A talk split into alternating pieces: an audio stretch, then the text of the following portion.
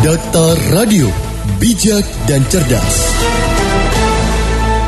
Rekan Dakta kita masih membahas terkait dengan aksi demonstrasi menolak sejumlah rancangan undang-undang yang meluas di berbagai daerah berujung ricuh.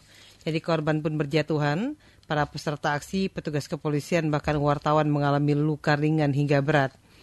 Dalam aksi di depan gedung DPR MPR Senayan Jakarta pada Selasa, kericuhan mulai terjadi pada sore hari di mana aparat kepolisian mulai menggunakan gas air mata untuk membubarkan demonstran sekitar pukul 16.20 waktu Indonesia Barat.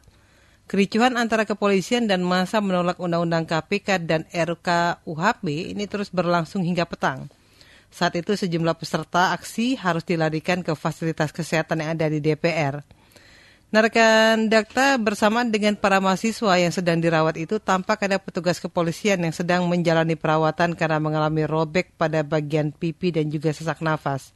Sementara itu, aksi unjuk rasa yang dilakukan sejumlah mahasiswa di gedung parlemen ini berakhir dengan hujan gas air mata. Memasuki petang, suasana demo juga semakin memanas. Tentu Anda mempunyai catatan tersendiri. Bagaimana Anda melihat aksi-aksi mahasiswa yang tidak hanya berlangsung di Jakarta, di beberapa daerah aksi juga cukup meluas dengan jumlah yang cukup banyak dibandingkan hari-hari sebelumnya. Rekan bisa bergabung bersama kami di 8816363 atau melalui SMS dan WhatsApp 0815 107 Kita akan membahasnya dalam ulasan media bersama dengan wartawan senior Bapak Cahaya Gunawan. Ulasan Media. Assalamualaikum Pak Cahya. Assalamualaikum warahmatullahi wabarakatuh. Aksi hingga malam mas, para mahasiswa dan masa lainnya bertahan ini Pak. Apa yang dilihat dari aksi kemarin? Saya kira eh, apa namanya penanganan dari aparat kepolisian tadi malam itu sudah eh, terlalu berlebihan ya. Bahkan banyak korban dan seperti yang viral di media sosial bahkan sudah ada yang meninggal di Palembang kalau nggak salah ya. Mungkin Pak Sipa lebih tahu.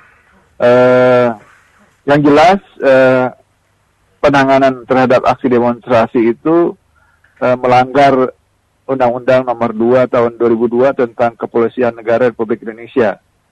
Dalam pasal 13 antara disebutkan bahwa kepolisian, tugas pokok kepolisian negara Republik Indonesia adalah memelihara keamanan dan ketertiban masyarakat, menegakkan hukum dan memberikan perlindungan, pengayuman dan pelayanan kepada masyarakat. Apa yang kita lihat tadi malam melalui apa namanya berbagai video yang viral di uh, berbagai grup WA itu uh, penanganan dari pihak kepolisian sungguh sangat keterlaluan.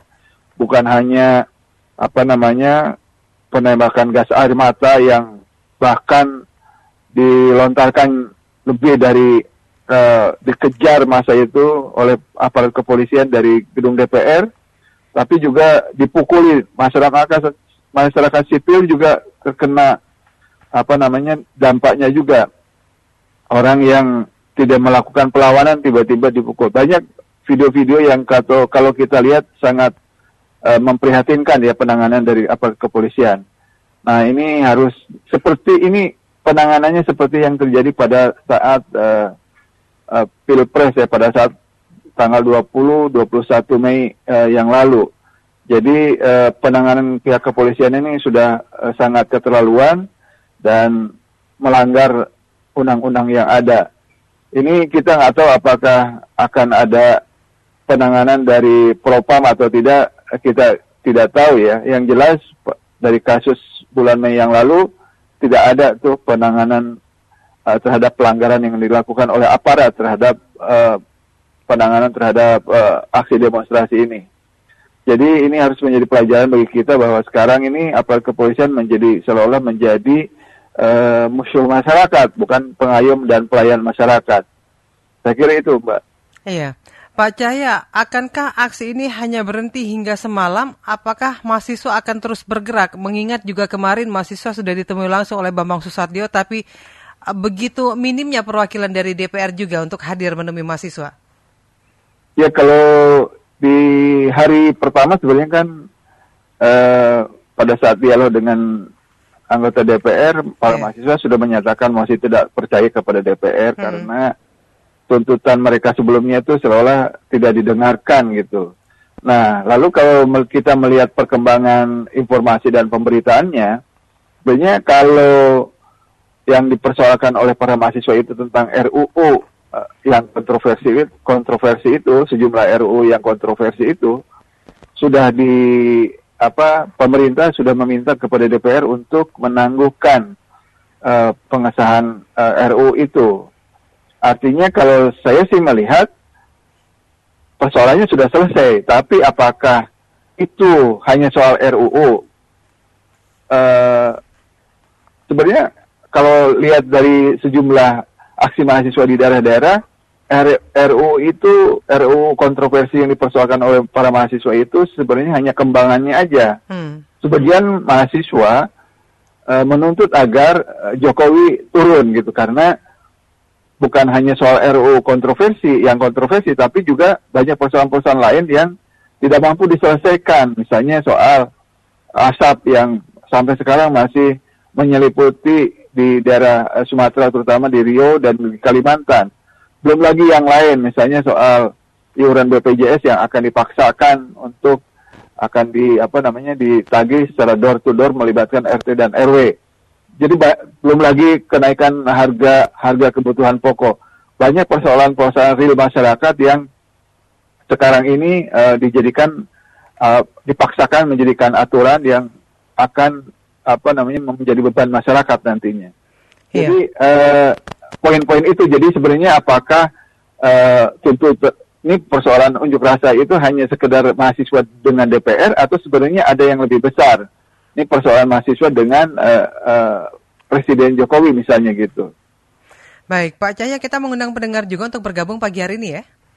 Silakan. Ya, rekan Dakta silakan jika Anda ingin bergabung bersama kami hubungi 8816363 SMS atau WhatsApp 081511107107. Kalau kita bandingkan dengan aksi di era reformasi dengan yang dilakukan oleh mahasiswa kemarin, apakah ini juga akan berdampak terhadap aksi yang dilakukan oleh mahasiswa saat ini, Pak, hingga pelantikan presiden nanti? Ya, ini kalau melihat uh, peta aksi demo antara 2019 dengan 1998 ada perbedaan. Kalau yang 98 itu uh, Pak Soeharto uh, itu menjadi common jadi musuh bersama. Ini uh, ini berbeda dengan sekarang. Yang sekarang ini yang dipersoalkan itu RUU. Jadi lebih kepada aspek uh, apa namanya undang-undang, uh, peraturan negara yang yang merugikan masyarakat. Jadi tidak satu isu misalnya sama di semua elemen masyarakat, semua elemen mahasiswa meminta supaya Jokowi turun. Seperti hanya meminta uh, Soeharto turun pada tahun 98. Nah ini beda dengan 2019 dengan 98. Jadi uh, itu perbedaannya. Jadi uh, saya kira bisa jadi ada beberapa uh, apa namanya uh, duga apa analisis bahwa kerusuhan-kerusuhan ini antara lain adalah dalam rangka uh, menjelang uh, pelantikan uh, atau penyusunan kabinet uh, tanggal 20 Oktober ini. Baik. Jadi, Pak Jaya ditahan uh, dulu Pak, ada pendengar kita yang ya. ingin bergabung. Assalamualaikum Dakta. Assalamualaikum Dakta. Waalaikumsalam warahmatullahi wabarakatuh. Dengan Pak? Uh, dengan Pak Heri. Pak Heri. Ayun, Mbak Baik. Apa kabar Bapak pagi ini sehat oh, Pak? Baik, Alhamdulillah semangat tetap semangat. Walaupun situasi politik nggak tahu nih orang usaha jadi bingung lagi nih. Lebih semangat dari para mahasiswa ya Pak ya? Harus iya, ya. Silakan dengan Pak Cahaya. Iya, Assalamualaikum Pak Cahaya. Eh, Waalaikumsalam warahmatullahi wabarakatuh. Saya juga orang tua umur saya udah hampir 60 ini ya. saya pemerhati yang mahasiswa ini. Saya saya ini dari dulu lihat mahasiswa kalau mahasiswa bergerak uh, yang di atas yang era rezim ini selalu me mengatakan ini pasti ditunggangi. Lah itu yang saya garis bawahi pasti nanti ujung-ujungnya ada orang yang makan ini ditunggangi. Benar kan Pak itu? Udah jelas itu. Udah jelas ada yang ngomong. Yeah. Salah satu menterinya dari Pak Jokowi ini. Tadi dulu omongnya itu itu aja. Jadi nggak berubah itu, nggak berubah. Itu saya uh, menggaris bawah itu. Kemudian yang kedua, mahasiswa ini kan sekarang tahu Pak bahwa pemilu presiden kemarin itu kan nggak murni Pak nggak murni mutlak menang itu nggak murni udah tahu semuanya itu masyarakat dari seluruh Indonesia itu tahu Pak bahwa itu menang yang dipaksakan gitu loh Pak yeah. jadi mahasiswa itu sekarang mengerti itu maka sekarang menuntut bukan hanya nggak percaya dengan DPR, nggak percaya dengan pemerintah Pak sekarang ini kan Iya. gitu Pak. Hmm, itulah yang saya garis bawahi eh, dua hal itu. Terima kasih. Assalamualaikum Pak Cahaya. Waalaikumsalam Waalaikum- warahmatullahi wabarakatuh. Pak Cahya, tapi akan kita jawab nanti. Kita akan jeda dulu Pak Cahya. Ya, silakan, Rekan jangan ke mana-mana. Kami akan kembali setelah jeda yang berikut. Ulasan media. Kami lanjutkan kembali. Kami masih bersama dengan wartawan senior Pak Cahya Gunawan. Pak Cahya. Ya, Mbak. Ya, tadi Pak Heri yang memberikan tanggapan. Ini setiap aksi mahasiswa pasti sudah ditunggangi dan apa yang dilakukan oleh mahasiswa terkait dengan respon undang-undang revisi KPK lalu juga RKUHP ini ke- sekedar pemantik saja Pak sebetulnya. Ya betul. Ya, sebenarnya eh, persoalan utama itu adalah kepercayaan masyarakat terhadap eh, pemerintah. Nah sekarang ini justru kepercayaan rakyat terhadap masyarakat eh, terhadap pemerintah ini udah berada di titik nadir. Nah jadi eh, poinnya itu. Jadi apa pun yang dibuat oleh DPR bersama pemerintah sejumlah RUU, apalagi RUU-nya ini mengandung kontroversi, akan selalu eh, apa namanya di merugikan masyarakat. Ini menunjukkan ah, produk undang-undang, produk legislasi yang dibuat oleh Badan Legislatif DPR dan anggota DPR lainnya itu tidak mencerminkan apa yang berkembang dalam kehidupan masyarakat. Ini eh, sampai ke urusan di rumah tangga terkecil itu diatur oleh sekarang oleh RUU yang KUHP ini. Jadi di situlah letaknya antara lain kemarahan dari masyarakat.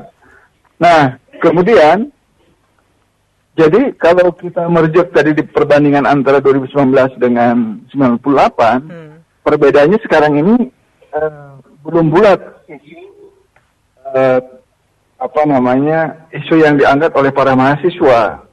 Nah, kalau sebatas pada tuntutan supaya RUU kontroversi itu dibatalkan atau ditangguhkan, saya kira itu sudah selesai. Nah, sekarang selanjutnya apa agendanya, agenda reformasi ini? Kan seharusnya kalau mengacu pada 98, ini kuncinya adalah di pemerintahannya. Pemerintahannya dalam memanage negara ini tidak berhasil dengan baik seperti halnya di zaman Orde Baru. Justru sekarang yang namanya KKN itu subur kembali. Korupsi, kolusi, nepotisme, terutama praktek korupsi. Justru sekarang ini dengan adanya revisi Undang-Undang KPK, ini praktek korupsi bisa subur lagi gitu loh Mbak Siva.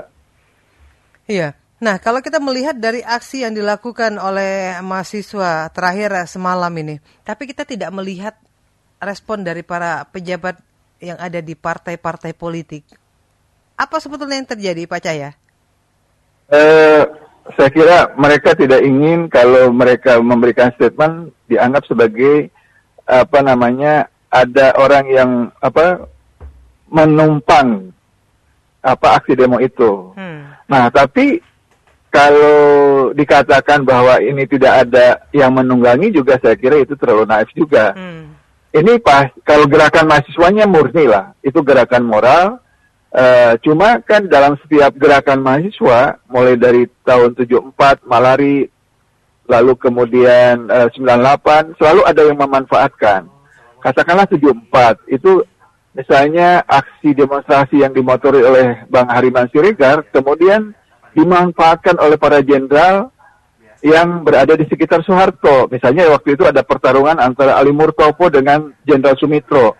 Akhirnya kan Jenderal Sumitro yang pro mahasiswa waktu itu disingkirkan, lalu di apa namanya dikeluarkan apa namanya tidak digunakan lagi oleh Soeharto.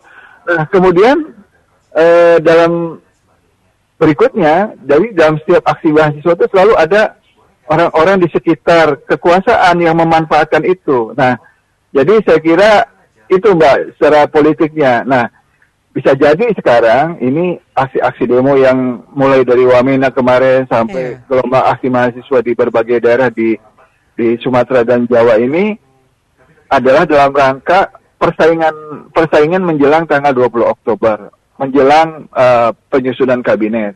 Hmm. Seperti kita ketahui banyak analisis yang mengatakan bahwa ada persaingan antara kubu atau faksinya uh, Luhut Binsar Panjaitan dengan faksinya Megawati dan uh, Budi Gunawan. Nah, jadi ini ada ada semacam apa namanya analisis seperti itu. Nah, persaingan-persaingan di antara elit-elit kekuasaan di sekitar presiden ini yang kemudian memanfaatkan uh, riak-riak, uh, memanfaatkan aksi-aksi demo yang dilakukan oleh elemen masyarakat, terutama mahasiswa. Saya kira itu, Mbak. Baik, kita nanti akan lihat terus bagaimana pergerakan dari mahasiswa menjelang pelantikan di 20 Oktober mendatang, Pak Cahya. Ya, kita, kita uh, lihat perkembangannya bagaimana nanti uh, perkembangan masyarakat dan terutama mahasiswa menjelang pelantikan uh, Jokowi Ma'ruf Amin sebagai presiden dan wakil presiden. Terima kasih Pak Cahya sudah bersama kami pagi hari ini. Assalamualaikum warahmatullahi wabarakatuh. Waalaikumsalam warahmatullahi wabarakatuh. Ulasan Media. Demikian tadi rekan dakta kami bersama dengan wartawan senior Bapak Cahya Gunawan.